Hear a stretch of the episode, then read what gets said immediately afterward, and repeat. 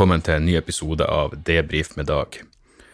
Eh, bare til advarsel så har jeg en eh, fersk kopp kaffe i handa, og en fyr som skrev til meg at eh, når jeg drikker kaffe på podkasten, så er det som å ha en, en slurpende unge hengende over skuldra. Og det har du nå også, hvis du fortsatt hører på. Det er onsdags morgen her. Denne episoden blir kort og kontant fordi jeg må ut på flyplassen. Jeg skal til Sogndal og har show sammen med Lars Petersen på Fjellsportfestivalen. Selvfølgelig skal jeg stande på Fjellsportfestivalen. Jeg som ikke liker verken sport eller fjell. Jeg liker på festivaler, da, så, én av tre er vel, er vel eh, greit nok. Men uansett, det er lenge siden jeg har eh, Det er lenge siden jeg har stått en time, så jeg er litt sånn Jeg, jeg, må, fuck, jeg, må, jeg må eh, forberede meg. Jeg skal prøve å ikke si fuckings 14 000 ganger, sånn som jeg gjorde, sånn som jeg gjorde sist gang. Eh, det var først i ettertid at det, Når jeg var ferdig med episoden, så var det sånn Jeg, jeg pleier ikke å høre på mine egne jævla episoder. Men sist gang så spilte jeg inn eh, i særdeles groggy tilstand, og så skulle jeg gå en tur etterpå, så jeg, jeg var sånn Hva faen var det egentlig jeg sa for noe? Så jeg hørte på deler av episoden mens jeg gikk tur. Hørte på meg sjøl mens jeg gikk tur. Eh, tok narsissisme til nye nivåer der. Og, em, og det var altså så fuckings mange fuckings som det er menneskelig mulig å få det. Det må bety at når jeg er jævlig trøtt, så sier jeg fuckings i annenhver setning. Og sånn er det. Men uh, denne gangen ei, fordi nå har jeg vært våken i en time. Helv jeg drøya den så jævlig lenge før jeg sto opp i dag, fordi uh, det var ingen i huset, og nå er det lenge siden, som sagt, jeg, jeg, jeg lurer på om det her er første reisa jeg har i år. Men i hvert fall er lenge siden jeg har uh, vært på jobb på denne måten, hvor jeg liksom må reise og stå en time, og jeg må fuckings få i settliste, og halvparten av det jeg gjør, bør i hvert fall være nytt. og så bare det å, å, å, våkne opp og måtte gjøre noe for første gang på lenge, gjorde at jeg drøya altså inn i helvete. Hvor mange ganger den klokka ringte, må jeg faen vite. Men, eh, men nå er jeg oppe og eh, klar for det eh, livet har å by på. Eh, så, så Sogndal i kveld, showet starter klokka ni, og så er det Ulvsvåg og eh, Andenes i helga eh, sammen med Jan Tore Kristoffersen. Jan Tore skal kjøre, han skal være sjåfør, så det er godt mulig at dette blir siste episoden noen gang. Men i hvert fall, klarte jeg faen meg å knuse Jeg, jeg, jeg hadde en sånn naiv eh, forestilling om at mobiltelefoner er så forbanna robust nå at det å liksom ha dem inni noe sånt jævla deksel egentlig er ganske meningsløst. Men eh, i går ja, i går var det, eller i overgår, så eh, jeg hadde en eh, Samsung 9 pluss, hva faen det heter for noe. Og så skulle jeg lukke opp døra hjemme, og så datt den, men det må ha datt så den datt med skjermen ned og traff noe is eller noe faenskap og bare knustes totalt på fire. Og jeg er jo så forbanna dum at jeg, jeg ser at jeg fortsatt, mobilen er fortsatt på, så det er tydeligvis at det bare er skjermen som er ødelagt. Jeg klarer fortsatt å bevege litt på, på skjermen, men jeg er så fuckings fuckings, jeg er så jævla dum at jeg slår av mobilen. Som er idiotisk å gjøre, for nå kan jeg i hvert fall ikke Hvis, hvis den er på, så kan jeg minst koble den til maskinen og berge ut hva enn jeg må berge ut, men jeg slår den av, og eh, på et eller annet mirakuløst jævla vis så klarte jeg å slå inn pinnkoden, selv om skjermen bare skurra, med prøving og feiling. For hvis jeg trykte på skjermen, så fikk jeg i hvert fall opp hva pinnkoden var, og så visste jeg hvor jeg skulle trykke for å liksom slå inn enter. Så etter mye prøving og feiling så klarte jeg å, å slå inn pinnkoden min, og fikk tatt backup og alt det der. Uh, men, uh, men jeg er ikke lenger naiv når det kommer til hvor, uh, hvor robust de jævla telefonene er. Koster og det var sånn, ok, skal jeg få fiksa ny skjerm 4000 koster det å få fiksa ny skjerm. 4000 spenn, uh, og det, da er du jo halvveis til en ny mobil.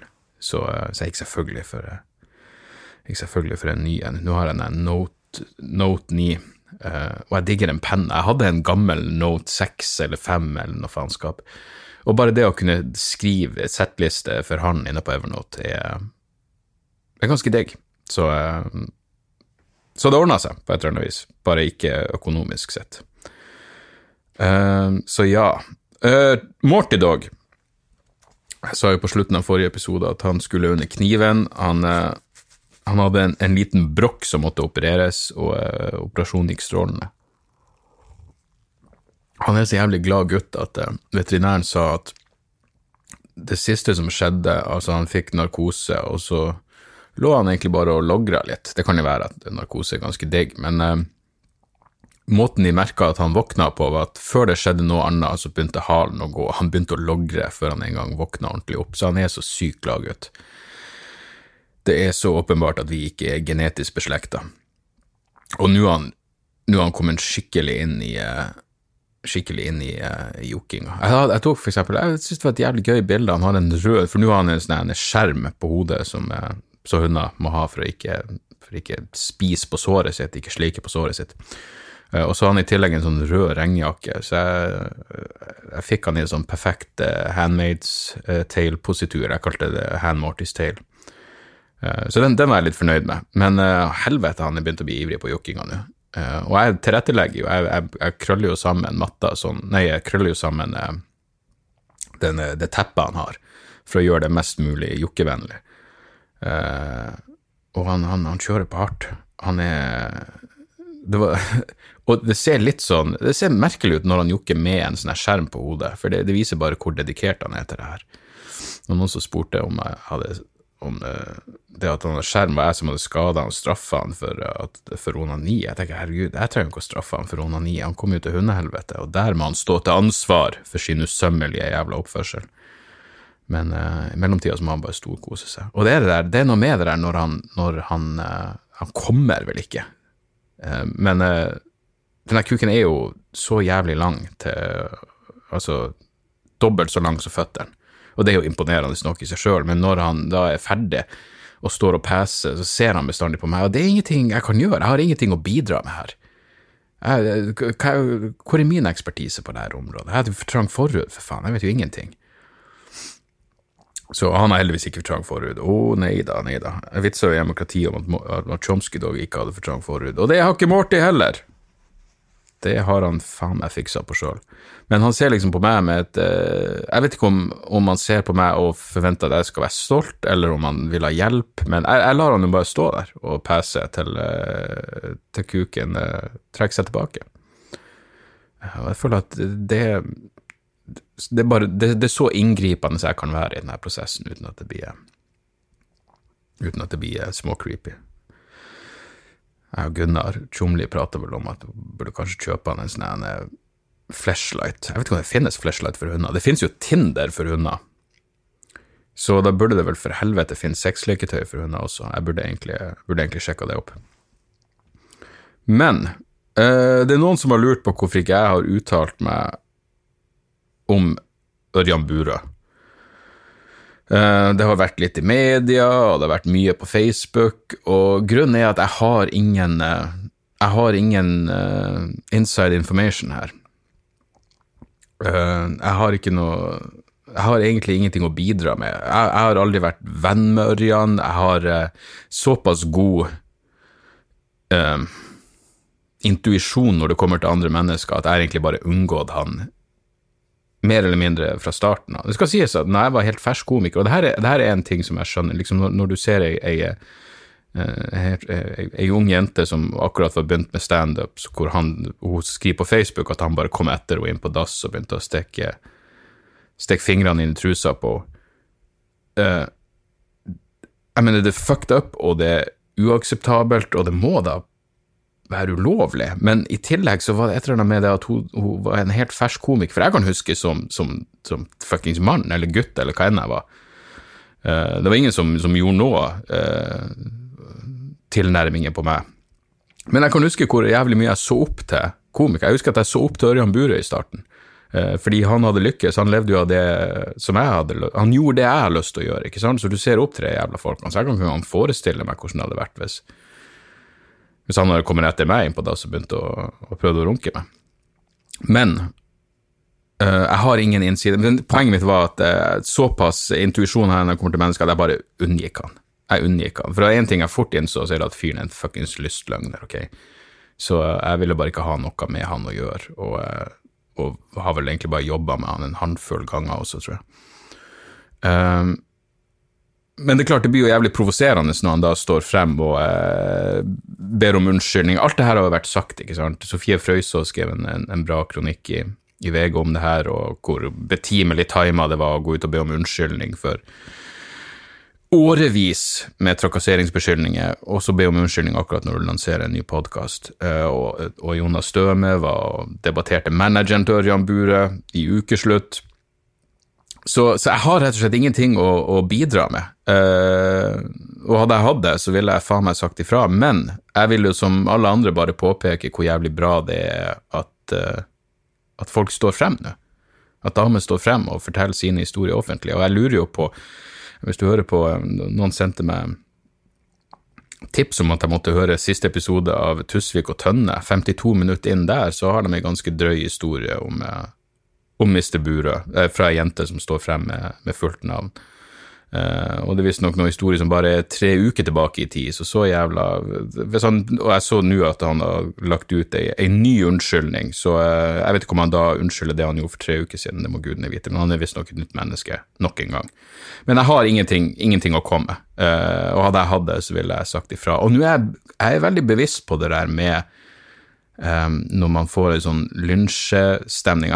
For det første, grunnen til at det blir Lynsjestemning er ikke det rette det ordet å bruke, fordi uh, det andre komikere vil, er bare at han skal fuckings stå til ansvar for det han har gjort, og virkelig være åpen om alt det han har gjort, og, uh, og ikke bidra til at folk føler seg utrygge. Det er jo det at jenter føler seg utrygge, damer føler seg utrygge i hans jævla nærvær. Det er det er provoserende å tenke på. Det var derfor det, det traff meg ekstra når, når, når jeg faktisk sto frem med, med, fullt navn og bilde på Facebook og med en en veldig konkret historie, fordi da, da, kan du forestille deg mer direkte hvor, hvor jævlig det her er.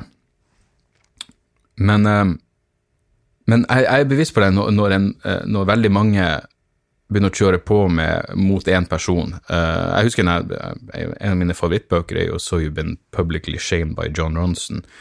Um, og det der med public shaming og det, Men poenget er jo at her er det ikke her er, her er, altså De eksemplene som John Ronson kom med, er jo sånn Det var jo folk som egentlig ikke hadde gjort noe galt, som prøvde å vitse på Twitter, og så kom det litt feil ut. og Det her er jo folk som blir shama for ting som de egentlig ikke burde blitt shama for, hvor det bare enten handler om misforståelser, eller at folk bare blir blodtørstige på internett. Men med Ørjan Burøe så er det jo jævlig fuckings konkret. Um, og det er selvfølgelig et poeng da, når noen sier ja, men han ber unnskyldning, hva vil du at han skal gjøre? Vel, hvis du skal legge deg flat, så må du faen meg det, det, her krever jo terapi. Det her krever jo så adskillig mer enn ei billig jævla unnskyldning i sin egen podkast eller i VG eller på, på Facebook. Så, ehm, så, sånn er det. Så ikke tro at jeg holder tilbake når det kommer til den jævla fyren. Det er bare det at jeg har ingenting å bidra med, og det føles, da, da føler man seg bare jævlig jeg, jeg har ingenting å komme med. Det, det, blir bare kjedelig. Jeg er skuffa. Jo Christian Elden, jeg har bestandig likt han, selv om han har forsvart faktisk Christian Warner, Arfan Batti og, og, alt det der, men han plutselig forsvarer Ørjan Bure, da, da syns jeg han gikk litt for langt. Jeg mener, hvem, hvem Bure ikke fikk? Fikk han ikke Lippestad? Jeg ser for meg at Geir Lippestad ville sagt vet du, det her kan jeg faen ikke gjøre. Hvordan skal jeg kunne se mine egne barn i øynene og fortelle dem at jeg forsvarte Ørjan Bure? Så, men jeg håper det ordner seg på et eller annet på et eller annet vis. Og jeg, jeg vet ikke hvordan den ordninga egentlig, egentlig, skulle bli. Uh, for hele den ideen om når, når andre komikere blir anklaget for å være misunnelige fordi Ørjan har, uh, har, suksess, det er så jævlig langt fra sannheten. Han har suksess, men jeg føler jo uh, det han driver på med Jeg forholder meg ikke til det han driver på med, så da er det helt, helt irrelevant for meg hvor jævla mye billetter han selger. Men det er klart, når du da plutselig skal fremstå som årets far når man, eh, man vet hva du har på eh, ditt moralske rulleblad, om så ikke ditt faktiske rulleblad, så blir det ekstra jævla provoserende. Så, eh, så, der har dere mitt lille uh, intetsigende bidrag i uh, Burø-sagaen. Uh, så ja, og så syns jeg jo Sigrid Bonde Tusvik hadde poeng når hun, når hun sier at så mye anonyme varslere har stått frem i, i eh, Trond Giske-saken, så hvorfor vil de ikke trykke anonyme Eller folk som faktisk står frem med fullt navn, villige til å stå frem med fullt navn om det Bure har gjort. Hvorfor, eh, hvorfor blir det ikke sak av det? Men, eh, men, vi får se. Jeg er så fuckings lei Ørjan Bure. Herregud, altså. Det er nok Bure i monitor, men selvfølgelig vil vi få Vi får ei, bare ei endelig avklaring på det der faenskapet. Jeg tror ikke han er i stand til å ta inn over seg hva han har gjort, uansett. Og jeg tror nok for mange av oss vil det være unnskyldning virke søkt og kynisk, fordi det virker som det er den typen menneske han er. Men det får nå så være. Så, for en overgang. Jeg bare så en historie om at Storytel er pornofisert. Eh, og det er jo Jeg bare venter nå på at noen skal legge skylda på Hvis dere har sett den Ted Bundy-dokumentaren på Netflix, så Jeg husker ikke om de kommer inn på det i, i den dokumentaren, men jeg vet i hvert fall at Ted Bundy mot slutten la skylda på Pono. Det var derfor han gjorde det han gjorde. Det var, han hadde for tilgang på Pono, han skulle bli en sånn antipono-aktivist, og det var til og med noen konservative kristne dildoer som begynte å ta side i denne saken fordi han plutselig ble en antipono-talsperson. Um, men uh, Så jeg bare venter på, nå når det viser seg at det er pornografiske lydbøker på Storytel, hvor lang tid tar det før noen bare legger skylda på Storytel? At det var derfor jeg gjorde det jeg gjorde. Uh, og saken var Det var i, i, i Klassekampen. Uh, og når, når, når, det står lydporno, så tenker du jo hva er det fuckings Fifty Shades of Grey og alt det der pisset? Nei, her er eksemplene. Her er, her, det er jævlig gøy at en journalist i Klassekampen har måttet gått igjennom 4394 e-bøker og lydtitler i bonokategorien, og så trukket ut Finn tre titler som, som, som symboliserer hva vi står overfor. Og tre titler de har nevnt som er, som er på, i toppsjiktet, det I'm So Tight, utropstegn, forklart hvem, Hvis du I'm So Tight, da, du roper jo det, ikke sant? I'm So Tight. Faen for en selvtillit. Men I'm So Tight, og så er det He's In My Behind, Anal Milfs 2, og så er det Popping My Anal Cherry at 40.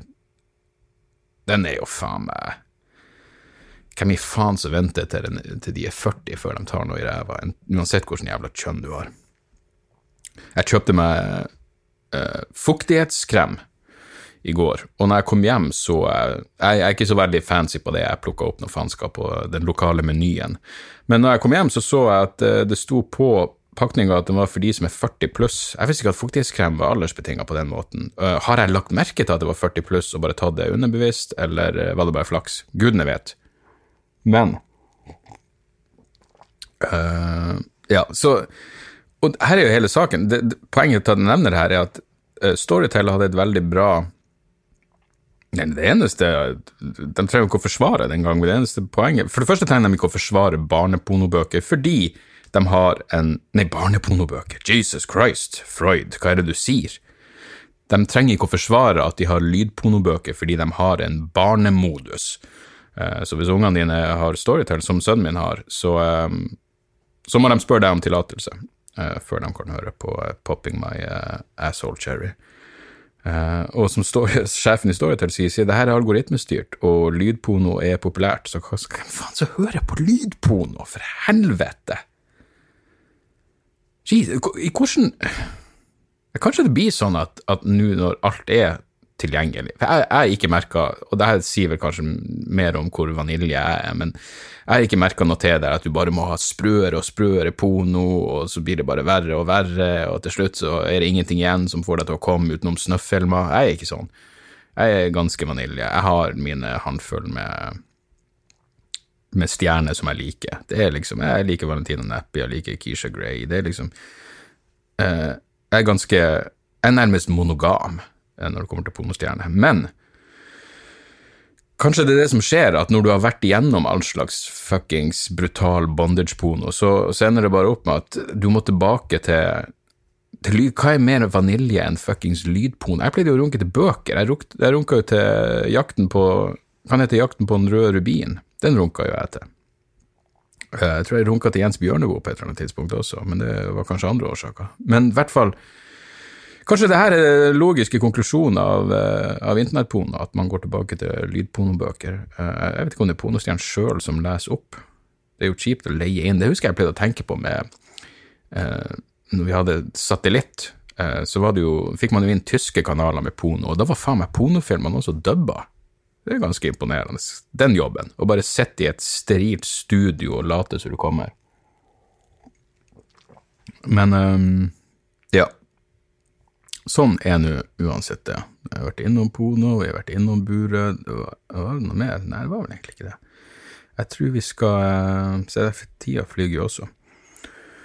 Um, jeg har ikke gjort så jævla mye interessant i det siste. Så det er liksom ikke som Når jeg begynte denne podkasten, så var jeg jo på turné, og da var det i hvert fall i helgen så skjedde det jo noe faenskap. Og nå har jeg egentlig bare daffa rundt.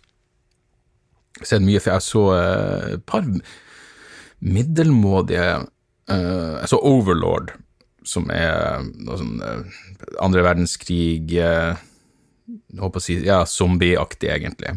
Relativt middelmådig, men grei sånn bakfull film. Men så så jeg Velvet Buzz òg, den Netflix-filmen med Jake Gyllenhaal, som hadde fått veldig bra anmeldelser, og til og med noen jeg lurer på om det var Klassekampen som sammenligna den med Black Swan, som var en fantastisk film, og det burde de ikke ha gjort, for Velvet Buzzsaw er relativt ordinær. Jeg mener, jeg, jeg, jeg koser meg gjennom hele filmen, og det er noe fascinerende med sånne fuckings überpretensiøse kunstkritikere av kunstverden, fordi det er virkelig Der er jeg selvbevisst, altså. Jeg kunne aldri Jeg kan gå på et museum, jeg kan gå på et galleri, jeg kan se på maleri, det er null stress, men, men å liksom stå der med og klø meg i skjegget mens jeg funderer med Og abstrakt kunst gir meg fuckings ingen verdens ting. Men jeg, jeg, tror hvis du ser noe dypere i Velvet Busso enn bare en egentlig en ganske ordinær skrekkfilm pakka inn i uh, i uh, interessante omgivelser, så er du like pretensiøs som de folkene som filmen gjør narr av.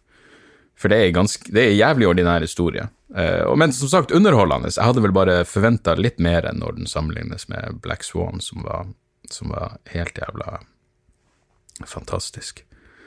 Så, uh, så ja, nei, var, det, var, det, var, ikke all verden. Men så så jeg også jeg så Bohemian Rhapsody, og den syns jeg var, var jævlig bra. Uh, helvete, han er Rami Malik. Hvis du ser, og ser på Mr. Robot, så er det vanskelig å forestille seg at han her skal fuckings ha pondusen til å spille Freddie Mercury. Men det hadde han. Det hadde han så inn i helvete for en, uh, for en innsats. Og det er jo uh, det er noe i at han er så jeg, mener, jeg vil tro det bare var sånn det var med Freddie Mercury, men han er så mye og dominerer alle scenene med i så mye at alle de andre blir bare statister, egentlig. Men hvor mange jævla klassikere Queens hadde. jeg, nei, Queen hadde, det hadde jeg nesten glemt av. Pluss at jeg elsker jo alle filmer som handler om band, og denne perioden hvor det er mye fest. Ja, jeg digger det der faenskapet, jeg elsker det. Enten det er som i Bohemian Rhapsody, hvor det er faktabasert, eller, eller Almost Famous, alle de filmene som handler om band, syns jeg Ja, det er evig fascinerende. Så Bohemian Rhapsody var, var dritbra. Uh, skal vi se ta et par uh, Ta et par mailer her, skal vi se. Vil være anonym. Ja vel. Da skal du få være anonym, da. Hei, jeg må takke, takke deg i dag for et år med gode podkaster. Jeg var også, også, så heldig å få billetter til den siste opptredenen av Demokrati i Bergen. Det hadde vært artig om du kunne kontakte dr. Jonas Bergland med tanke på medisinske spørsmål, da de fleste i kongeriket Norge har en hypokonder i seg. Jeg er stort sett enig med deg, men dine refleksjoner rundt kongens nyttårstale må jeg si meg uenig i. Oi. Jeg er heller ikke noen fan av kongehuset, men alternativet er mye bedre. Jeg er heller ikke noe fan av kongehuset, men alternativet er mye bedre. sier du det? Nei, jeg tror ikke det er det du mener å si, men det er det du sier, og jeg er enig i det. Alternativet er mye bedre. Hadde vi ikke hatt et kongehus i Norge, kunne resultatet i kunne det resultatet. Jeg skjønner hvorfor du vil være anonym, for det her er faen meg høyst kritikkverdig setningsoppbygging og staving. Hadde vi ikke hadde ikke vi hatt et kongehus i Norge, kunne det re resultatet i president Siv Jensens nyttårstale, så jeg tenker apanasjen er vel verdt skattepengene. Har også et podkasttips til deg, en sprø historie om en amerikaner som ble Uday Hussein sin hypnotisør og veileder. Love and Radio. Ja, det hørtes uh, Uda Hussein-podkast uh, hørtes interessant ut. Og så skriver du 'beklager skrivefeil', så også frem til et nytt år med god underholdning. Takk for mailen, takk for at du hører på, takk for at du kom på showet, ikke minst. Um, for det første, jeg har jo kontakta dr. Jonas Bergland uh, gjennom et helt år i uh, Sannhetsministeriet-radioprogrammet som jeg gjorde, og uh, jeg har jo sagt tidligere at jeg krediterer det i stor grad med å hjelpe meg å bli kvitt min uh, hypokondertilstand. Altså, hypokonder blir jo et så jævla kraftig Men jeg, jeg var nå kontinuerlig nervøs for at jeg var sjuk. Selv om jeg ikke helt vet om det bikka over i hypokondri. Men uh, en gang i uka så pratet jeg med Jonas, og til slutt så var jeg bare tom for ting å ta opp med dr. Jonas Stringe Bergland. Og da forsvant hypokondri. Jeg hadde liksom vært igjennom alt. Så, eh, så, jeg føler at jeg og Jonas har gjort det der, men eh, jeg burde jo fått han på en bonusepisode av podkasten, og da, da, kan vi kanskje snakke litt mer om det. Når det gjelder monarkiet, hva kan jeg si, Maren? Hva kan jeg si som jeg ikke har sagt på scener og i skriveri og på podkaster? Jeg syns det er en fordummende, utdatert anakronisme, og, eh, og vi burde bli kvitt faenskapet. Og President er i det minste Det er selvfølgelig president Siv Jensen. Hvorfor i faen skulle det bli president Siv Jensen når vi ikke engang har statsminister Siv Jensen, for det første? Jeg har ikke forstått hvorfor vi ikke bare Og det her er et seriøst spørsmål som sikkert noen som har mer peiling på eh, finurlighetene i norsk lovgivning og eh, Grunnloven og alt det der faenskapet kan hjelpe meg med. Men hvis kongen bare har en symbolsk rolle ikke sant? Og det er vi jo enige om at han har men han samtidig er øverste militære, altså han, han er general i hæren og luftforsvaret. Hvorfor kan vi ikke da bare fjerne kongehuset? Hvorfor kan vi ikke bare ha det politiske systemet vi har nå, fjerne kongehuset, men gjøre forsvarsministeren til den øverste befalingsmann i landet? Og så, så der var vi. Ferdig med det. Hvorfor kan vi ikke bare gjøre det? Hvorfor skal alt komplisere seg inn i helvete? Og igjen, det har ikke noe du kom, det, folk, det, det, er det samme jævla argumentet. Å, hyggelig, og det hadde ikke vært verre hvis du var en statsminister Nei, det hadde ikke vært fuckings verre, ok? Og hva, hva med når du ikke liker kongen? Hva du skal gjøre da? Han er en samlende, samlende person. Ja, det, det gjenstår Han er ikke samlende for meg.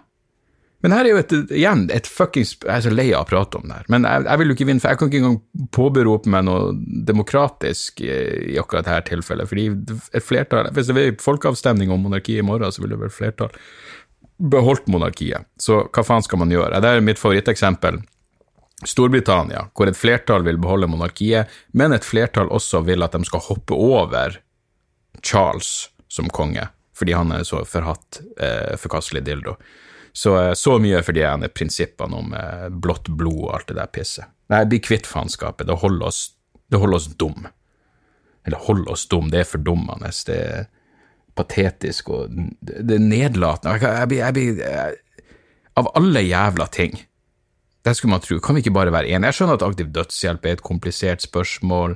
Utenrikspolitikk, burde man ha bomba Libya? Nei, man burde ikke bomba Libya, for all del. Men, men liksom, jeg skjønner hvor det kan være to sider av en sak, men akkurat her med monarkiet, det, det står på så sinnssykt svak grunn.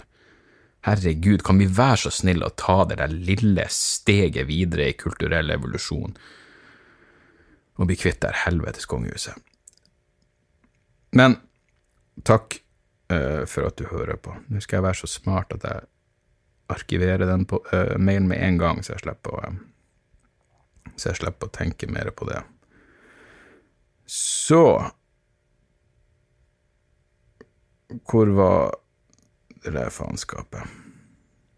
Det var en mail her om der var vi. Skal vi se. Mats Adrian skriver Hei, Dag. Takk for underholdende og opplysende podkaster med stor K. Hei, fuck you, kompis! Podkast skal skrives med C.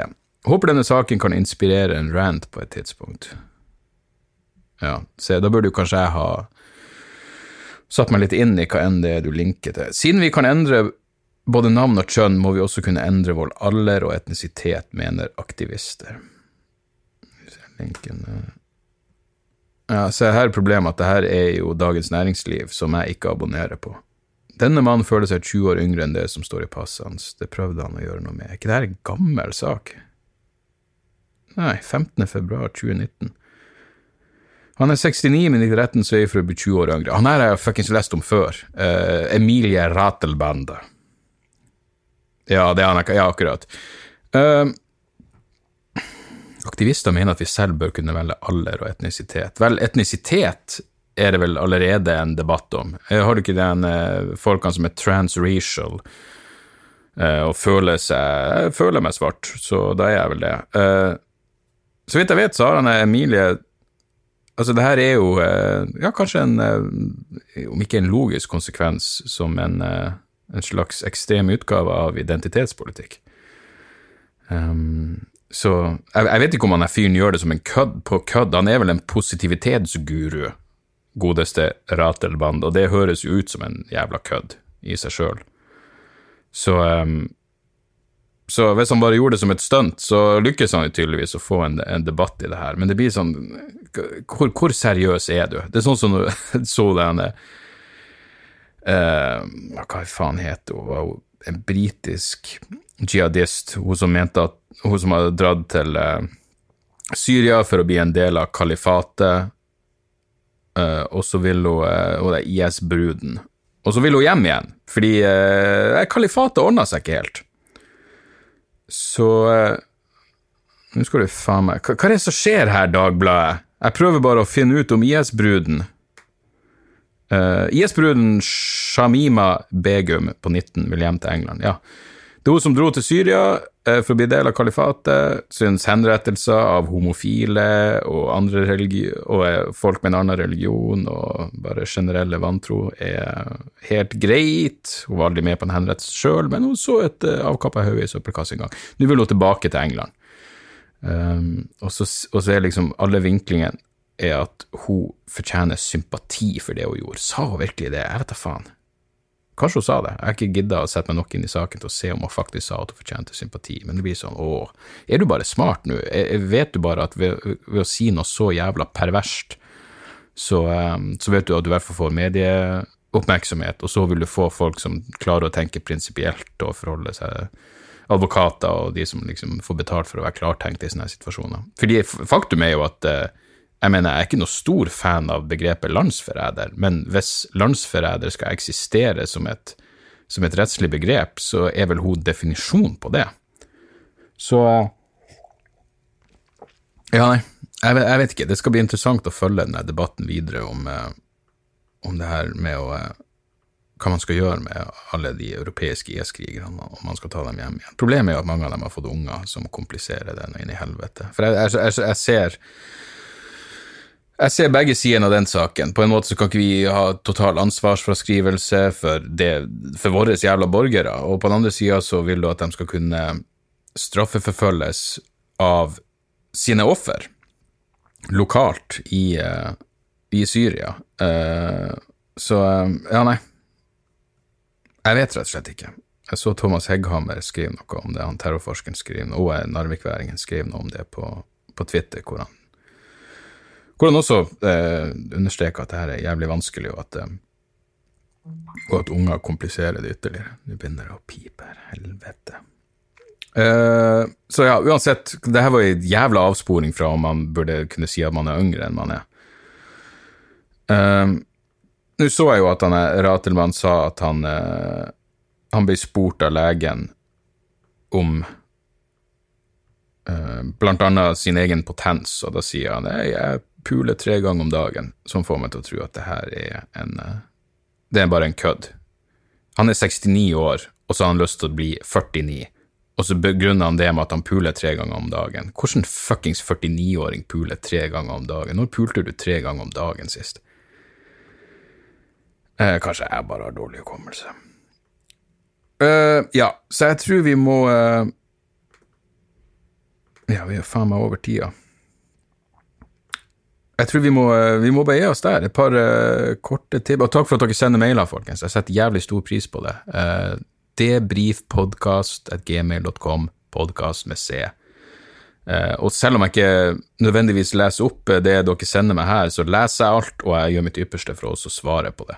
Det er bare noen som ikke Hvis dere bare sier noen hyggelige ting, så er det liksom ikke noe noe vits i å lese det opp her, men, eh, men jeg setter jævlig stor eh, Jeg setter jævlig stor pris på alle tilbakemeldinger. Så, og, og spre ordet og rate og review og alt det der. Jeg, jeg vet ikke engang hva, de, hva, det betyr lenger, rate og review, men uh, hvis dere gjør det, gjør det. Par korte tips. Uh, jeg vet jo noen av dere er metal-fans, uh, og hvis dere liker black metal, så kan jeg anbefale ei skive som heter Rain of the Unending av Death Fortress. Det her er faen meg Uh, jeg tror du må på Bandcamp for å få tak i skiva. Jeg tror ikke den ligger på Spotify. Men det her er Jeg, jeg vet ikke. Det er et eller annet Jeg, jeg sovna med denne plata på ørene en kveld, og våkna opp med en helt jævlig Jeg våkna sånn halvveis ut i skiva med en helt jævlig følelse i kroppen. Uh, det er bare det er råtten stemning på en skive. Det minner meg om gammelt Mayhem på et eller annet vis, bare fordi det lager den gode den gode stemninga. Det høres jævlig ut på en jævlig bra måte. Det høres ut som de involverte ikke har det bra i det hele tatt, og det er vel nøyaktig sånn black metal skal være. Jeg tror de her jævlene er fra USA, men uh, det er ekte, ekte norsk svartmetall fra statene, og uh, ja, jeg, jeg, digger den. Produksjonen er jævlig, det høres jævlig det, hvis, du, hvis, du, har den type tilbøyeligheter, så kan jeg anbefale Death Fortress. Uh, noe helt annet, Night Beats, nye skiva eh, som heter Myth of a Man. Nightbeats Myth of a Man, ja. Eh, de kom jo med en singel i fjor som heter Her Cold Cold Heart, som Det er nesten dårlig gjort å åpne skiva med en så fantastisk låt. Ikke åpne skiva med det aller beste, men eh, den låten er fantastisk, og jeg digger skiva også. Jeg har hørt igjennom den ganske mange ganger nå, og den de var et nytt bekjentskap for meg, og så vidt jeg har forstått, så er bakkatalogen deres litt mer støyete. Det her er en veldig rolig plate, men jeg, jeg elsker den. Jeg digger den. Eh, vel verdt å sjekke, hvis du bare liker bra musikk, egentlig. Eh, og så et kort eh, lite bok, boktips også. I forrige episode nevnte jeg Why Honor Matters av Tamla Summers, hvor han prater om honor cultures versus dignity cultures. Uh, hvis den type tematikk interesserer dere, så kan jeg også anbefale ei bok av ei som heter Michelle Gelfand. Gelfand. G-E-L-F-A-N-D. Boka heter uansett Rulemakers, Rule Breakers. How Tight and Loose Cultures Wire Our World. Hun, sk hun skriver egentlig om en del av det samme men i stedet for å kalle det ære og verdighet, så, så refererer hun altså til tight og loose cultures. Og jævlig fascinerende bok. Jeg mener, det er den type bok som får deg til å, å se andre sitt perspektiv uh, på en mye mer uh, nøytral og Våger jeg å si empatisk måte. Altså, det er bare så mange forklaringer på hvordan Og fun facts. Jeg mener, hvordan land tror dere har flest seksualpartnere? Uh, altså per, per innbygger. Hvor mange, hvordan land tror dere folk puler mest? Det er faen meg New Zealand. Jeg tror hun sa det var over 20, 20, et eller annet seksualpartnere gjennom, i snitt, da, uh, mot uh, åtte på verdensbasis, eller noe sånt. Så, um, men poenget mitt er, hun, hun skriver blant annet om um, og denne liksom lydboka òg på, eh, ja, ligger på Storytel. og jeg er forresten imponert. De er ikke en sponsor. Jeg burde, hvis jeg hadde en fucking sponsor, så burde det vært Storytel, for helvete.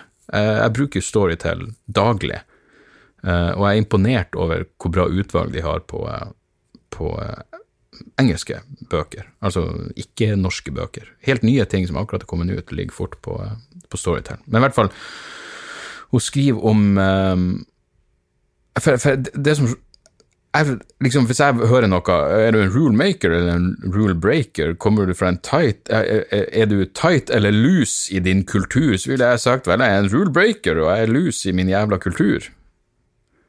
Uh, jeg er ikke tight, uh, og, uh, men faen, hvor, det kommer så jævlig an på, liksom. Jeg mener, På noen områder så er jeg jo helt lus. Liksom. Når det kommer til personlig frihet, så er jeg jo så liberalistisk som du kan få det. Samtidig så er jeg veldig Altså, hvis noen bryter Um, sosiale normer, så kan jeg bli ekstremt provosert. Jeg er veldig bevisst på For det første, liksom, hvis noen bare setter seg ytterst på en full Setter seg på ytterste sete på en full flybuss, så noen må komme og spørre kan jeg få sitte her, det provoserer meg. Men, men, det provoserer meg jo ikke fordi de bryter en sosial norm i seg sjøl, men fordi de er jævlig egoistiske. Det går utover andre. Hva enn du gjør som ikke går utover andre, skal faen ikke jeg legge meg opp i. Um, så, så det, det, kommer veldig Det er veldig situasjonsbetinga.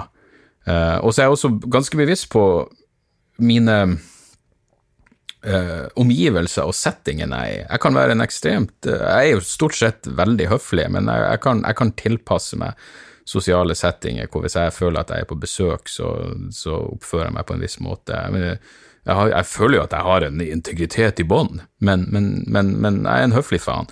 Jeg tror kanskje derfor standup er så forløsende for meg også, for da kan jeg bare være nøyaktig. Da, da, da er du hos meg. Hvis du kommer og ser meg standup, så da kommer du på besøk til meg.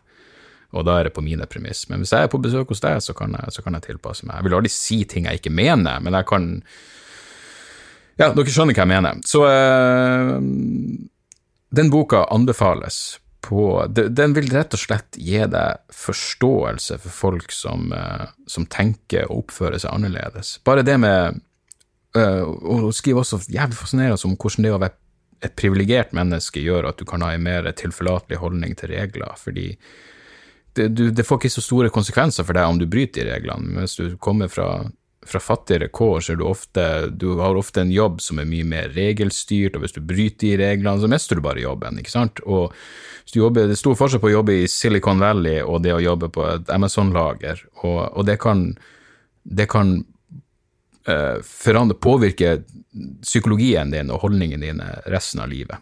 Uh, så um, rulemakers Rulemakers, rulebreakers kan uh, så absolutt anbefales. Jeg er nødt til å vaske meg og komme meg ut på flyplassen, for jeg skal til Sogndal. Håper å se noen av dere der i kveld.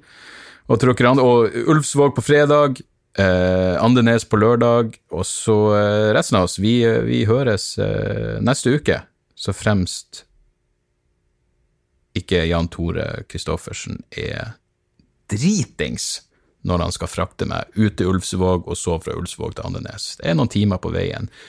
Nordnorsk vinter. Så, eh, så det blir jævlig spennende. Vi bør vel kanskje få til en bonuspodkast eh, også i løpet av den helga. Så eh, kanskje vi høres allerede før neste uke. Hvem vet? Men jeg er glad i dere, folkens. Vi snakkes snart igjen. Tjo og hei.